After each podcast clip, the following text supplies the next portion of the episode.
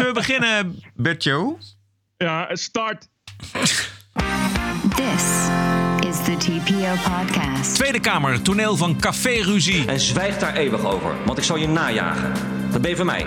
Universiteit Utrecht te wit. Het is natuurlijk best wel zorgelijk als we zien dat bepaalde groepen in de samenleving de universiteit niet uh, halen. En dan mag je best afvragen, hoe komt dat?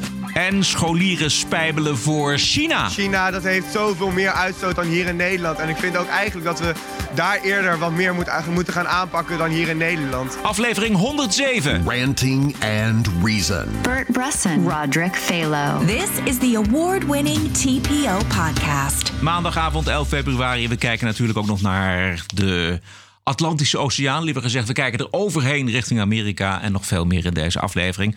Hoe gaat het met Bert? Geweldig. Ik hoef niet te, niet te spijbelen voor het klimaat. Nee, mij, uh, wat heb je vandaag gedaan voor het klimaat? En ik heb uh, brood gebakken in de buitenoven. Die werkt op hout. Dus ik doe voor het klimaat stook ik nu altijd wat extra hout. Zometeen nog meer over het klimaat. Uh, maar eerst eventjes de taskforce diversiteit. Ieder onderwijsbestuur dat een beetje in de war is, die heeft wel een taskforce diversiteit. Uh, zo ook de Universiteit Utrecht. En het uh, hele leuke van deze taskforce diversiteit van de Universiteit van Utrecht is dat die met hele verrassende bevindingen en aanbevelingen komt. Want volgens deze taskforce is de Universiteit van Utrecht te blank of te wit. Het is een bijlage bij een onderzoek. Uh, maar het is natuurlijk best wel zorgelijk als we zien dat bepaalde groepen in de samenleving de universiteit niet uh, halen. En dan mag je best afvragen, hoe komt dat? Staat bijvoorbeeld in het rapport heel simpel dat studenten met een niet-westerse achtergrond, die hebben vaak ja, niet zo'n respect voor studies als geschiedenis en andere culturele uh, studies. Ze zijn wat meer economisch ingelegd. Ja, dat die, studenten, dat die studies dan denken, hoe kunnen wij onszelf aantrekkelijker maken voor die doelgroep? Dat vind ik niet zo raar dat je daarover nadenkt. Nee, dit is SP Tweede Kamerlid Frank Futselaar voor de camera van De Nederlandse geschiedenis op de manier waarop die wordt aangeboden, daar hebben ze dus geen respect voor. Daarom gebruikt ook het woord respect. Hij zegt niet, ze hebben geen interesse, zegt geen respect. En dat komt omdat ze uh, het allemaal te blank vinden en te white, heet het, white privilege en dat soort gelul. Oké, okay. ja, ja, ja. En, en daarom willen ze nu. Ja, ja. ja. En, wat... en, da, en da, dan heb je dus zo'n taskforce. Die komt dan met dat, met dat soort krankzinnige ideeën. Van, oh, dan gaan we de studie minder wit maken. Dan gaan we er meer zwarte filosofen in stoppen. En dan gaan we de geschiedenis gaan we ook. Uh, uh, de kanon gaan we aanpassen. Nou ja.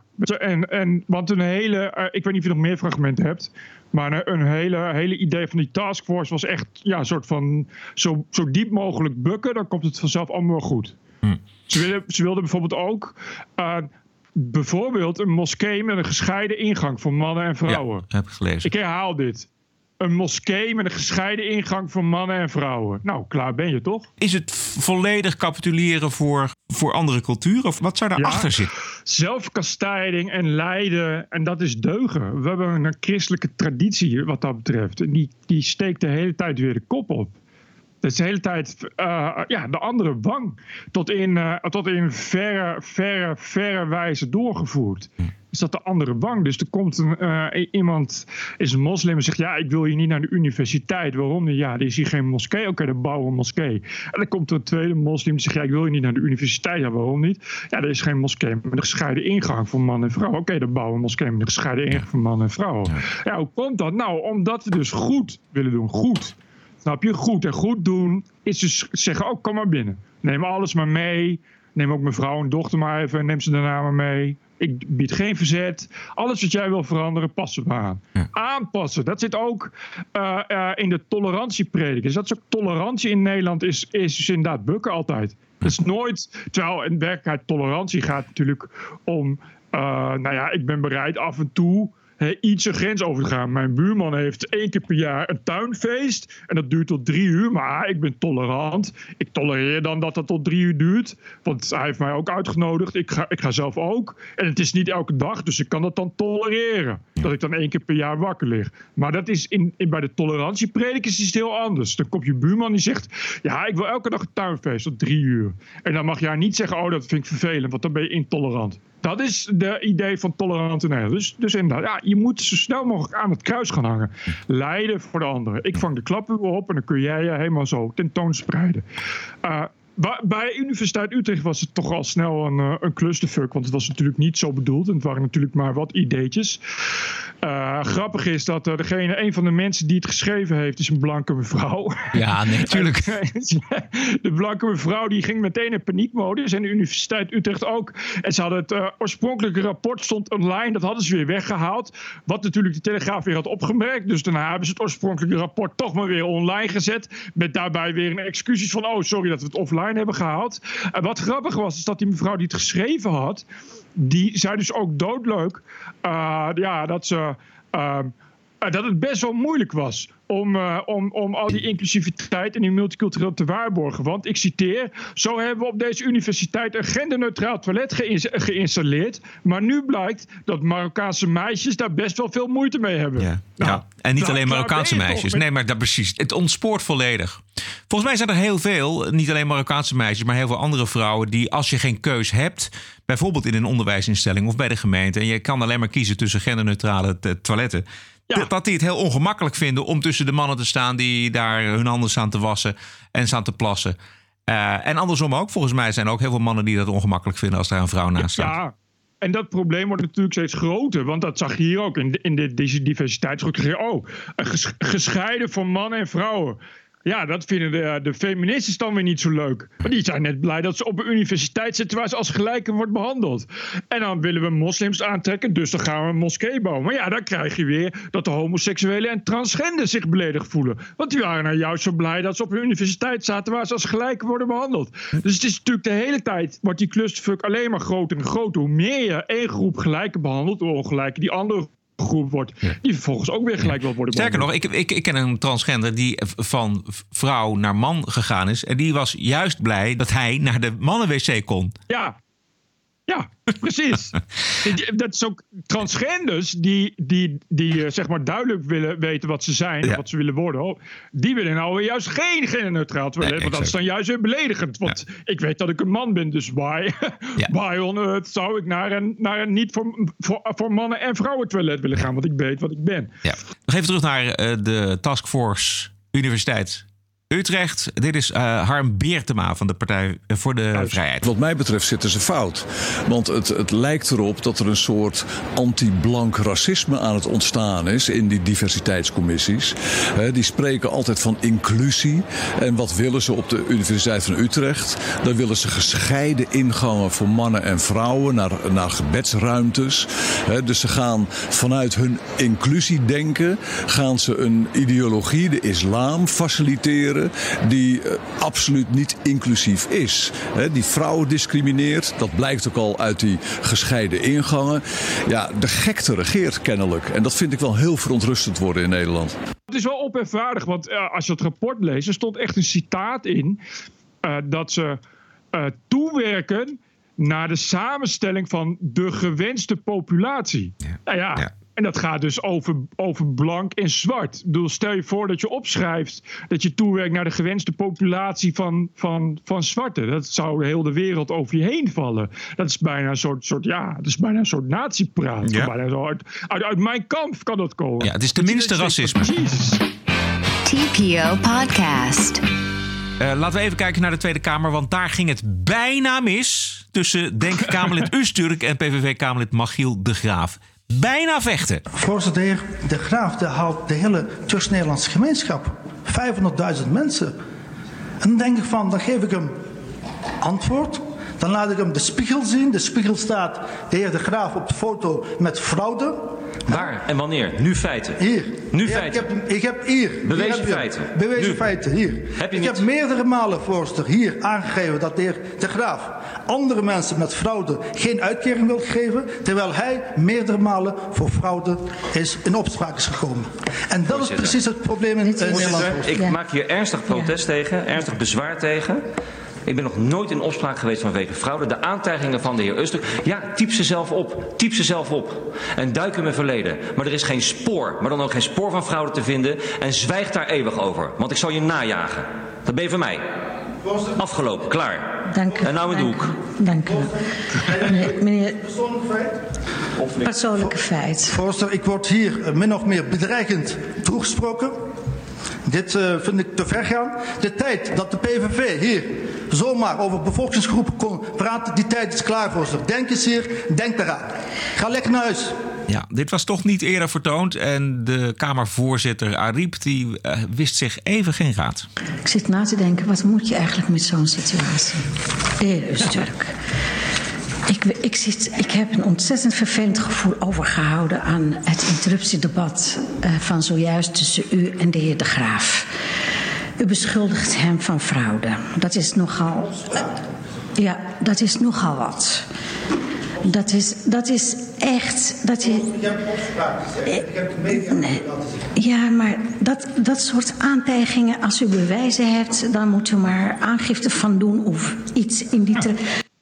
Nou ja, aangifte heeft Ustuk inmiddels uh, gedaan. Maar niet uh, wegens fraude, uh, maar wegens bedreiging. En niet door Magiel oh. de Graaf. Maar er zijn een aantal mensen die hem hebben aangevallen. Verbaal. Oh, ja? en, daar, ja, en daar doet hij nu aangifte tegen. Bert, ik wil toch nog heel eventjes kijken naar dat spijbelen voor het klimaat. Ook omdat jij erover begon. Donderdag -huh. werd er door 8000 scholieren gespijbeld voor het klimaat. En alles zat er in een schitterende samenvatting van Tom Staal van Geen Stijl. Heerlijke video van bijna zes minuten. Uh, kijk hem terug op geenstijl.nl. Heel klein minuutje uit dat verslag. Zuig pikken, geen peuken. Ja, ik vind het wel toepasselijk, want ik sta hier best wel hypocriet. Ik geloof hier eigenlijk ook helemaal niet in. Maar ik vind het wel leuk om mee te lopen met zo'n uh, leuke slogan. Ik vind sommige mensen die nemen het, die, die, die gaan toch wel iets te ver altijd wel. En geef eens een voorbeeld. Nou, die mensen met die SP-vlaggen bijvoorbeeld. En die vind je niet kunnen? Nee. Wat moet er gebeuren volgens jou? Ja, besparing van energie. Staat die klimaat... Uh, hoe dan? Ja, daar moet de regering voor zorgen. Vlees duurder maken, daarmee komt superveel CO2 vrij.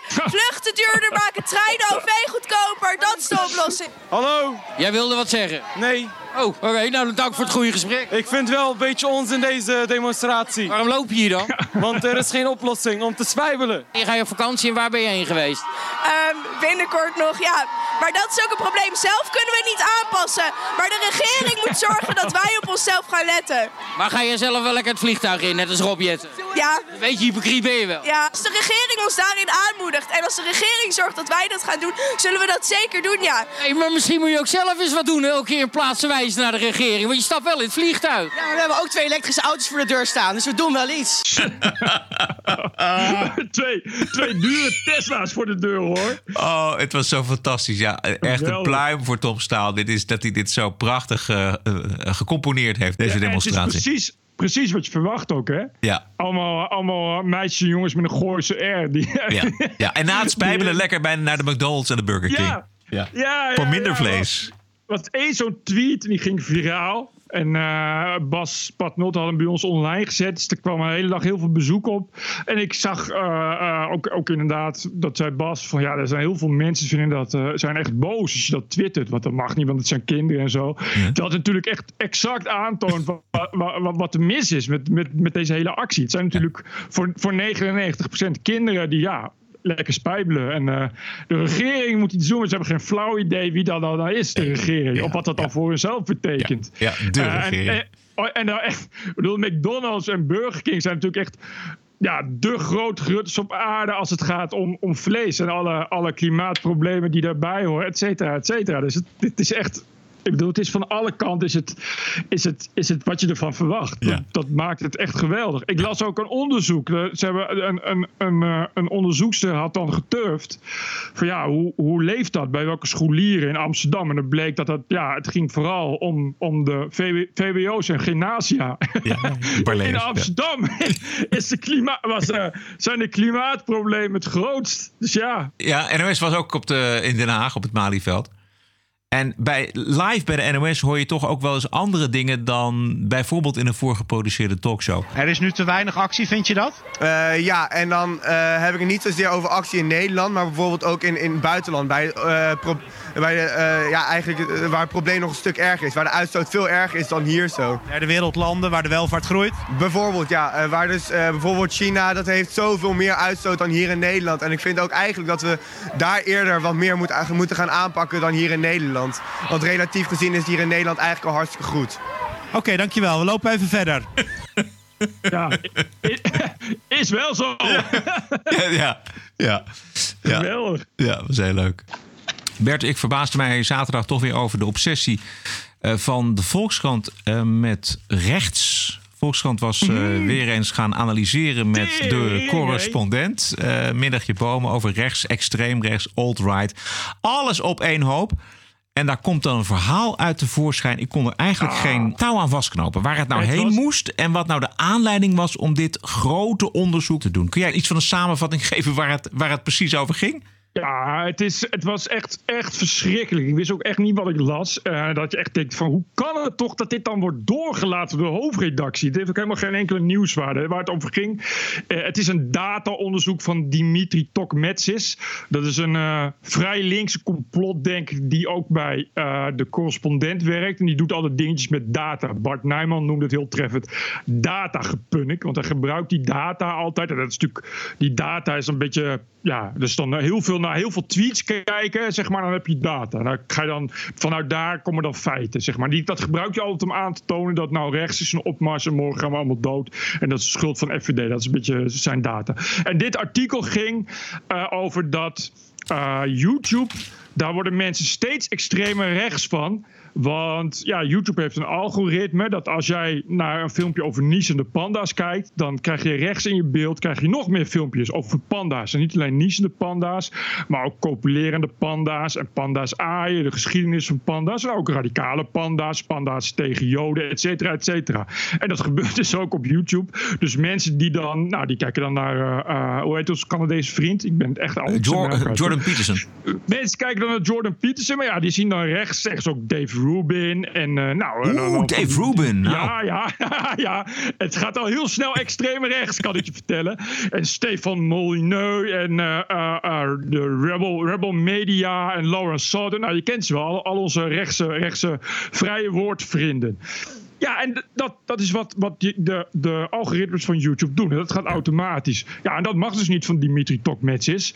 Want ja, als mensen een andere mening gaan krijgen, zomaar van een andere mening dan Dimi- Dimitri Tokmetsis heeft, ja, dan is het al snel radicaliseren. Ja, want Eh, dit, nou, dit- nee, e- even nog, want dit is precies ook, dit was mijn bezwaar, want je kunt best uit data analyseren, dat vind ik allemaal prima, ik wil best lezen. Maar het, het, de suggestie eh, die aan YouTube wordt gedaan, dat staat ook in dit stuk, eh, eh, terwijl YouTube wel de technische kennis in huis eh, lijkt te hebben om rigoureus op te treden tegen onwelgevallige inhoud. Ja, Hè, dat dus- staat er echt. Ja, dat staat er echt. Ja. Ja, dus, en ze hebben ook YouTube gebeld en gevraagd met deze vraag: van goh, eh, kunnen jullie dat niet afsluiten? En dan, nou ja, dan komt er een verhaal van YouTube dat ze dat niet willen. Eh, dus het, het is echt de bedoeling van dit stuk geweest om de duimschroeven aan te draaien bij YouTube, voor zij, zij dat Ah. natuurlijk kunnen, om censuur te plegen. Veel erg. Het is echt de bedoeling van het stuk om een, de vrije eh, eh, mening en het vrije internet om die aan te klagen. En daar, daar kun je nog op zich wat voor zeggen. Maar waarom?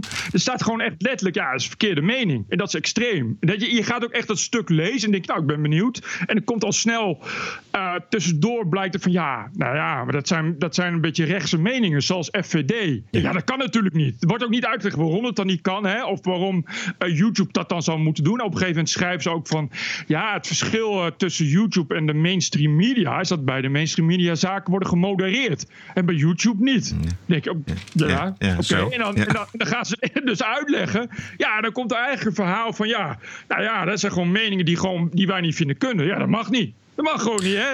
En het is nog veel viezer, want in dat stuk, want die, die Tok is, is eh, eh, want hij heeft het geschreven samen met die, met die Arnieke Kra, Kra, Kranenberg. en Hassan Bahara. Ja. En die zijn beide echt, echt al tijden fors anti-PVV, dus ook fors anti-FVD, want zo gaat dat in Nederland bij de mainstream media. En het is echt vijf of zes keer komt ook in de alinea FVD voorbij.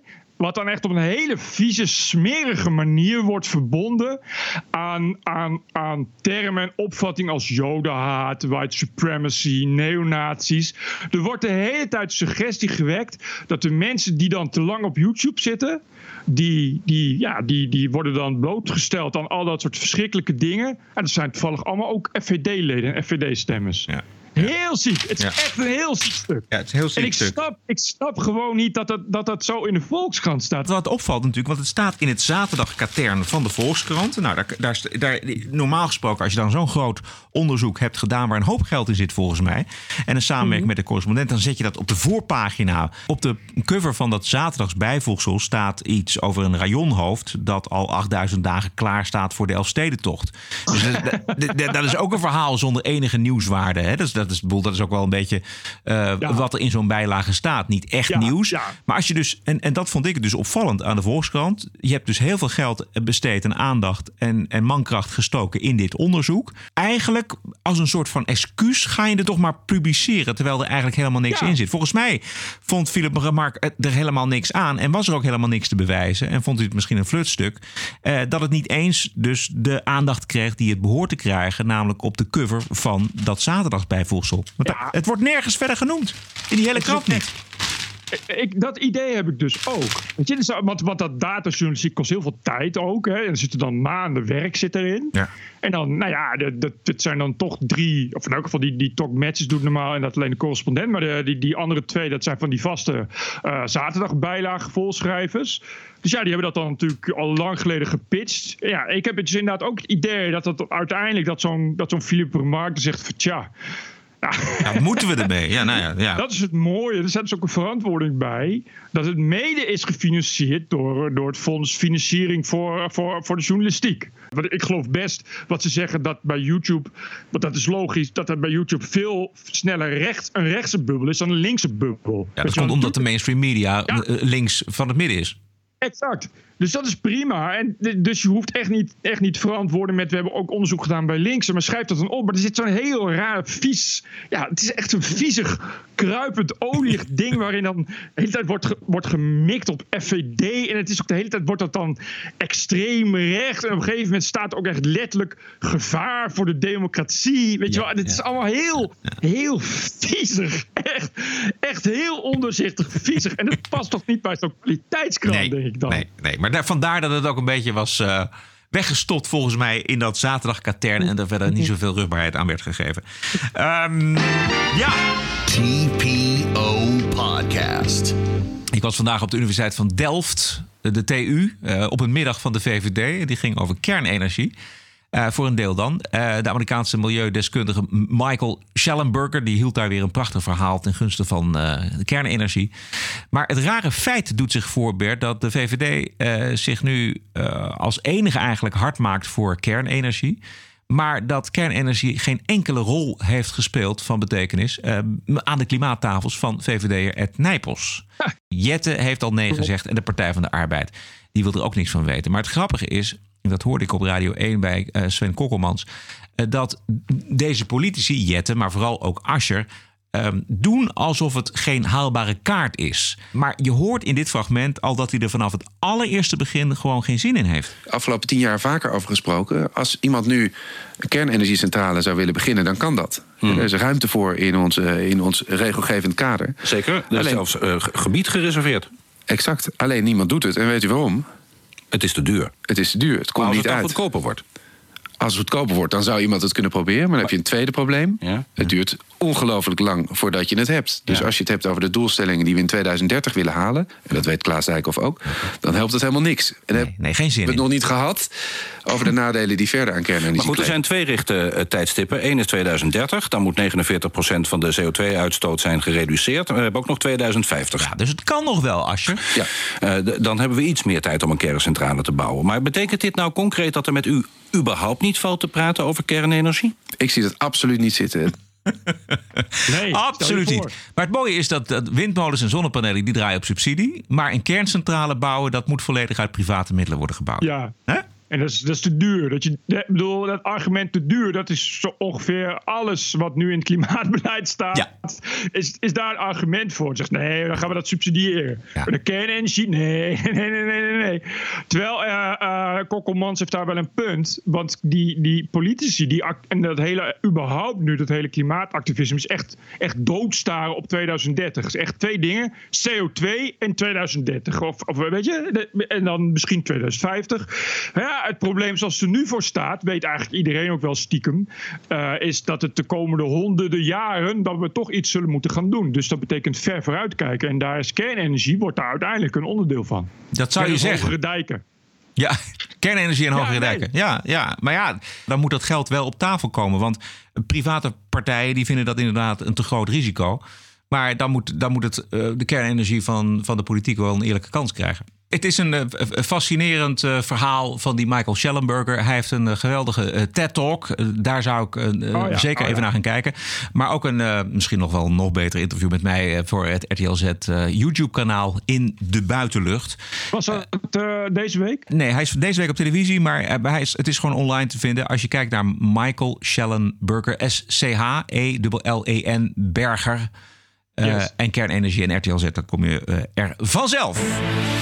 This is CNN breaking news. Donald Trump is not going to be president of the United States. Welcome to Morning Joe. Mr. President, if there is no collusion. The government shutdown is now in week four. Today was not just like a normal stormy day in the news. This is not just my opinion. TPO Podcast. This is evidence. Ja, de Amerikaanse politiek en de samenleving is geobsedeerd door identity politics. En dat leidt nogal eens tot enorme excessen. Mensen die veel geld betalen aan commerciële partijen die aan de hand van DNA precies kunnen uitpluizen welke voorvaderen je allemaal hebt, eh, zogenaamd dan. En ook politici doen een beroep op hun voorvaderen, zodat ze bijvoorbeeld een achterstandspositie kunnen claimen, een slachtofferrol bijvoorbeeld, of minderheden aan zich kunnen binden, omdat ze voor een honderdste afkomstig zijn van slaven of indianen bijvoorbeeld. Nou, zo claimde de democratische senator Elizabeth Warren, blond, blauwe ogen, dat ze Native American voorouders had. Het bewijs regelde ze afgelopen oktober. Massachusetts Senator Elizabeth Warren has already said she will give serious thought to a run in 2020. President Trump, who calls her Pocahontas, has suggested he would pay a million dollars to a charity if she took a DNA test to prove her heritage. Tonight, she says it's time to pay up. Here's Mary Bruce. His opponents say it's a racial slur, but President Trump relishes his nickname for Senator Elizabeth Warren. Pocahontas, Pocahontas.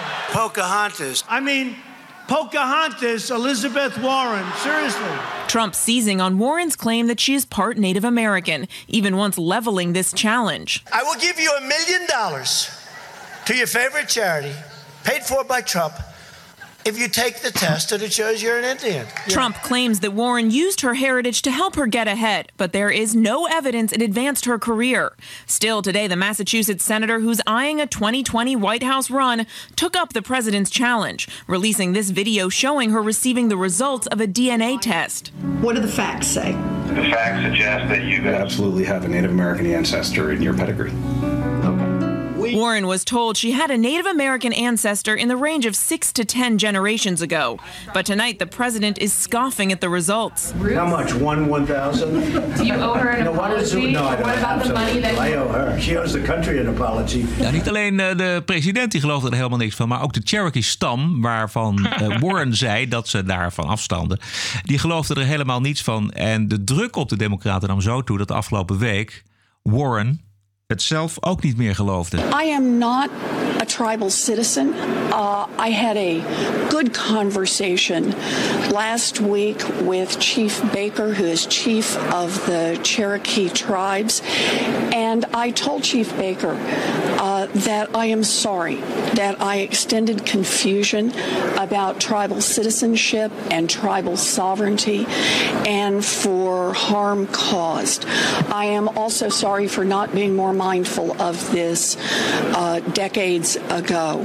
Tribes and only tribes determine tribal citizenship. Ah, ja, en deze dame die eh, heeft zich deze week ook gekandideerd voor het presidentschap namens de Democratische Partij, Bert. Wat een soap zeg. Goh, man. Ik mag overigens uh, hopen dat zij uh, dan uh, Clinton verslaat. Dat zou mooi zijn. ja. Dit is nog erger dan Clinton namelijk. Ja. Nou ja, dit is natuurlijk een, echt een, van een treurigheid, maar hier komt ze natuurlijk ook niet meer af. Ik vind het al heel nee. wat dat ze, dat ze kandidaat nog wordt. Ze mag dat hopen ze dat ze. Niet... Ja, precies. En ze mag hopen dat ze, dat ze de, inderdaad niet, geen debat hoeft te voeren met, met Donald Trump. Want dat gaat natuurlijk helemaal mis. Nog iets anders, Bert, uit Amerika. Um, de briljante journalisten van BuzzFeed... die hebben zich uh, na de vorige hoax uh, over de gewezen Trump-advocaat Michael Cohen... deze week uh, weer van hun beste kant laten zien. de zwarte Trump-supporter Canons Owens... vaker gehoord mm -hmm. hier in de TPO-podcast... Die was in Londen en die beantwoordde daar voor een zaal vragen. En er was één vraag die ging over nationalisme. En BuzzFeed kopte heel groot het antwoord uh -huh. van, van Kenneth Owens. En uh, die kop was... If Hitler just wanted to make Germany great again, it's just fine. It's okay. Dan denk je dat Kenneth Owens, nou ja, in ieder geval een apologist voor, voor Hitler is. Mm -hmm. en, en, en dat is dan ook de boodschap van BuzzFeed. Mm -hmm. Het is misschien uh, een slecht geformuleerde zin, maar um, we missen de context. Dit is wat er echt gebeurde. I actually don't have any problems at all uh, with the word nationalism. I think that it gets uh, the definition gets poisoned um, by leaders that actually want globalism. Globalism is what I what I don't want. So when you think about whenever we say nationalism, the first thing people think about in at least in America is Hitler. You know, he was a National Socialist. But if Hitler just wanted to make Germany great and have things run well, okay, fine. Dit heeft BuzzFeed opgeschreven. Maar de context komt nu. The problem is, is that he wanted, he had dreams outside of Germany. He wanted to globalize. He wanted everybody to be German, everybody to be speaking German, everybody to look a different way. That's not, to me, that's not nationalism. Um, so, in thinking about how it could go bad down the line, I don't really, I don't really have an issue with nationalism. I really don't. Het BuzzFeed was ooit de grote, de grote belofte. Want het was ooit, uh, daar komt vandaan, ja, BuzzFeed. Het waren de jongens en meisjes die precies door hadden hoe je kon kapitaliseren op wat trending was en dat soort dingen. Ja. En is vervolgens ontwikkeld naar een soort, inderdaad, een soort, soort progressief politiek correct medium. Maar heeft zich ook wel ontwikkeld in in een serieus, serieus mainstream medium. Waar het dus gewoon heel slecht mee gaat. Weet je, echt, echt, echt heel slecht. Uh, 15% is niet niks. Dat is een van de grootste partijen die die, die dag uh, in één dag duizend journalisten moesten ontslaan. Weet je, en dan gewoon dit. Dat je denkt van ja, wat, wat, wat, hoe kan het? Dat daar dan, dan moet toch uh, iemand toch op zijn hoofd krabben, op zijn minst, als, als dit soort dingen gebeuren. Nou ja, of het is een soort van overlevingsmechanisme, weet je. We, we willen gewoon ophef voortdurend.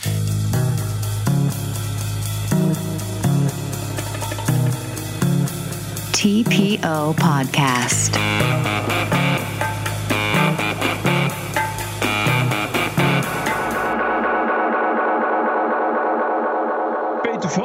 Is, is ja. uh, gestopt als uh, hoofdredacteur bij NSC. Dat heeft toch wel lang geduurd. Ik weet dat daar ook echt binnen NSC-burelen al jaren, jaren uh, een probleem is, zeg maar. Dat ja. mensen heel graag willen dat hij weg is. Bijna 19 is, jaar heeft hij daar gezeten, aan het hoofd. Wat echt lang is. Ja, dat is vrij lang. Dat is ja. serieus lang. En ja, wat ik zeg, het is niet echt altijd in goede aarde ontvangen daar. Ja. Ik ben benieuwd wie de nieuwe hoofdredacteur wordt, want er is volgens mij nog geen uh, opvolger, omdat de adjunct gaat ook weg. Ja, de adjunct gaat ook weg. Zou dat een gecoördineerde actie zijn of uh, moet er een, echt een andere leiding komen van de, van de uitgever? Dat zou kunnen. Nou, die uitgever, dat, die ijsbaard, die is dus dikke vrienden met, uh, met uh, Van der Mist. Wat dus een reden was dat hij niet zo makkelijk wegging. Dus ik ben benieuwd wat daar, uh, weet je, wat, wat daar speelt. Dat weet je natuurlijk niet. En ze zijn in elk geval in één ding heel goed. En dat is dat allemaal uh, voor zich houden. Desgevraagd te spinnen. Maar ik, ik ben benieuwd. Ja, ik hoop dat... Uh, zit hier Marieke Stelling gaat er nog bij NSC? Ja, die zit er nog. Die, maar... die is altijd heel goed en realistisch. Ja, dat is waar. Maar of zij hoofdredacteur ambities heeft, dat, dat weet ik niet. Nee, dat, dat moet je maar willen. Ja. Dat is weer anders. Ja. Peter van der Meers wordt correspondent van, van NSC Handelsblad in Parijs. in Parijs. Precies. Twitter toch wel een aantal hele felle reacties, ook uit de journalistieke hoek. Gewoon uh, krijgt dit dan toch een trap na van onder andere columnist Erda Bolci van, van de Volkskrant. Uh, die ja. echt blij is dat hij, uh, mm -hmm. dat hij weg is. Is niet echt algemeen geliefd geweest, deze nee, helemaal niet. Nee, weet je daar helemaal meer van? niet. Ja, nee, ik weet van, van, nou ja, ik weet van mensen die daar of nog werken of daar weg zijn. Maar die inderdaad zeiden, ja, het is een, het is een hele treurige man. Dat hij ook wel inderdaad echt soms schreeuwend te slaan de deur als ze gelijk niet kreeg. Oh, ja? Dat soort dingen. Dat kan gebeuren, daar heb ik ook wel eens last van. Maar ik ben geen hoofdredacteur van, van zo'n courant. En het Hmm. is natuurlijk iets wat, wat binnen zo'n courant, waar natuurlijk heel veel haartjes ook nog eens keer vechten voor uh, hun waarheid en hun plek, uh, loopt dat natuurlijk niet altijd even lekker. Nee, nee de indruk dus heb ik. Ja? Een, een, een, een, ja, een enorme marketeer. Er is natuurlijk altijd heel veel kritiek op geweest op wat hij met die krant heeft gedaan. Van een soort liberale krant naar iets wat wel goed verkoopt, maar waarvan je aan de inhoud zo je, je vraagtekens kan zetten. Nee, maar precies. Maar dat is, die vraag wilde ik ook stellen. Want ja, voor het een is wat te zeggen, voor het andere trouwens ook. Um, als een uitgever is doorgaans geïnteresseerd in, in, in goede verkoopcijfers. Nou, die, ja, heeft hij, ja, die heeft hij gehaald bij NRC Handelsblad, toch? Ja, definitief. Nee, het is, een, het is wel een winstmaker. Ja. Van, van, van, van NSC echt een, echt een geoliede uh, ja, winstmachine. En dat gemaakt. komt mede door de koers die hij bepaald heeft. Nou, die koers hebben we het al een keer over gehad. Hè. Dat, dat, dat is echt een, een, een establishment, een elitekoers. Ja. Uh, gericht ja. op uh, pro-Europa, pro-middenpartijen, anti-populisme. maar ja. dat is blijkbaar dus een commerciële formule die, die heeft, is aangeslagen. Dus je kunt je ook afvragen of de uitgever uh, met dit in zijn achterhoofd uh, wel op zoek is naar een andere koers voor die krant. Ja, je, ik, ik zeg, je weet natuurlijk niet wat er speelt. Er kan ook andere ruzies zijn. En wat ik zeg, ik weet dat hij al heel lang dus, dus niet lekker lag op verschillende niveaus. Dus dan is misschien ook uh, dit daar wel het resultaat van, dat je opstapt. Maar dan is het een persoonlijke zaak misschien en niet zozeer een, een, een journalistiek-ideologische zaak. Nou, in elk geval geen commerciële zaak. Nee, nee. Wat je zegt, uh, als ik uitgever was, zou ik er ook blij mee zijn. Want je, als uitgever zeg je toch, ja, zolang ik winst maak en zolang die krant ja. in oplage stijgt, of in elk geval in digitaal in oplage stijgt, dan weet ik veel wat, en de adverteerders hun weg weten te vinden, ja, dan wil je niet van die hoofdredacteur af. Nee. Maar ja, er zitten natuurlijk meerdere haken en ogen aan. Je weet hoe dat gaat. Er zit natuurlijk ook een redactieraad en uh, weet ja. ik veel wat. Dus ja, dat is al. Uh, dus, dus, het kan een keer genoeg zijn. Er, dat er een hoop poep onder zit. En dat ja. komt nu vast wel een keer naar boven. Uh, maar uh, ik, ik weet niet of dat dan de reden is. Nee, nee. nee. nee. Maar goed, het was een opvallend, opvallend ding ja. dat hij nu uiteindelijk weggaat. Het is echt wel iets wat tien jaar als een beetje inderdaad mensen zeggen... moet hij niet eens weg. Ja. En is het dan opvallend dat er, dat er nog geen opvolger is? Of is dat netjes dat je daarmee wacht? Dat weet ik niet. Weet jij dat? Nee. Ik heb daar echt geen, ja, ik heb daar echt geen idee van. Ja, het is naar, naar Peter van der Meers netjes, als je, zou je denken dat, dat je, nou oké, hij gaat weg, dus hij gaat op eigen initiatief weg. Nou, dan gaan we nu zoeken, hè, ook al heb je al lang een nieuwe hoofdredacteur achter de hand, maar dan gaan we nu zogenaamd zoeken naar een nieuwe hoofdredacteur. En daar kom je dan na een week of drie mee, of vier. En dan, uh, dan heb je het netjes afgehandeld volgens mij. Ja, maar het neigt tegelijk ook van, ik ben met ruzie vertrokken. Dus ik kon geen nieuwe hoofdredacteur aandragen. Weet je, nee, bedoel, je kan, ook, je kan ook zeggen, als je iemand meteen hebt, dan krijg je als buitenstaander het idee dat dat dus in goede, goede gezondheid is afgehandeld. Ja. Ik heb een nieuwe hoofdredacteur voorgedragen, daar was iedereen mee eens, je kan nu opgaan. Nu lijkt het dus een beetje, ja, ja, ze zijn niet echt de nee. transparantste krant van Nederland. Nee, dat niet. Zou ik maar zeggen. En er is natuurlijk een hoop gebeurd. Er een hoop mensen weggegaan. En uh, inderdaad ook met slaande deuren en weet ik veel wat. Ja. Dus ik denk dat hij de komende jaren nog een hoop poep over zich heen gaat krijgen in elk geval. Ja. We zijn er zo'n beetje doorheen. Yes. Tot zover deze aflevering. 107. Vindt u dit een leuk geluid of een belangrijk geluid? Steun ons dan met een donatie. En dat helpt ons in de podcast en natuurlijk ook uzelf weer als u naar de podcast luistert. Uh, met graagte ga naar tpo.nl slash podcast en daar vindt u alle mogelijkheden om te doneren. Wij zijn terug 19 februari, dat is een dinsdag. Heb een mooie week en tot dinsdag. Tot dinsdag, jij ook Roderick. TPO Podcast. Bert Bruson, Roderick Balo. Ranting and Reason.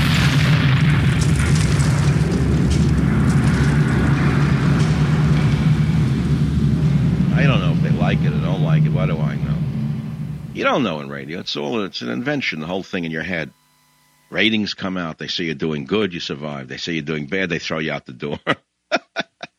it's a, the whole thing is a mystery. It's a mystery. That's actually fantastic. You sit in a radio studio, you do a show, and either they tell you you're fired or they give you a raise. You don't know why. Some numbers somewhere tell you tell them whether you're doing good or and so the whole thing is mystically impossible to comprehend. Do you understand this? How amazing this is? TPO Podcast. The award winning TPO podcast can be heard on the No Agenda stream at noagendastream.com.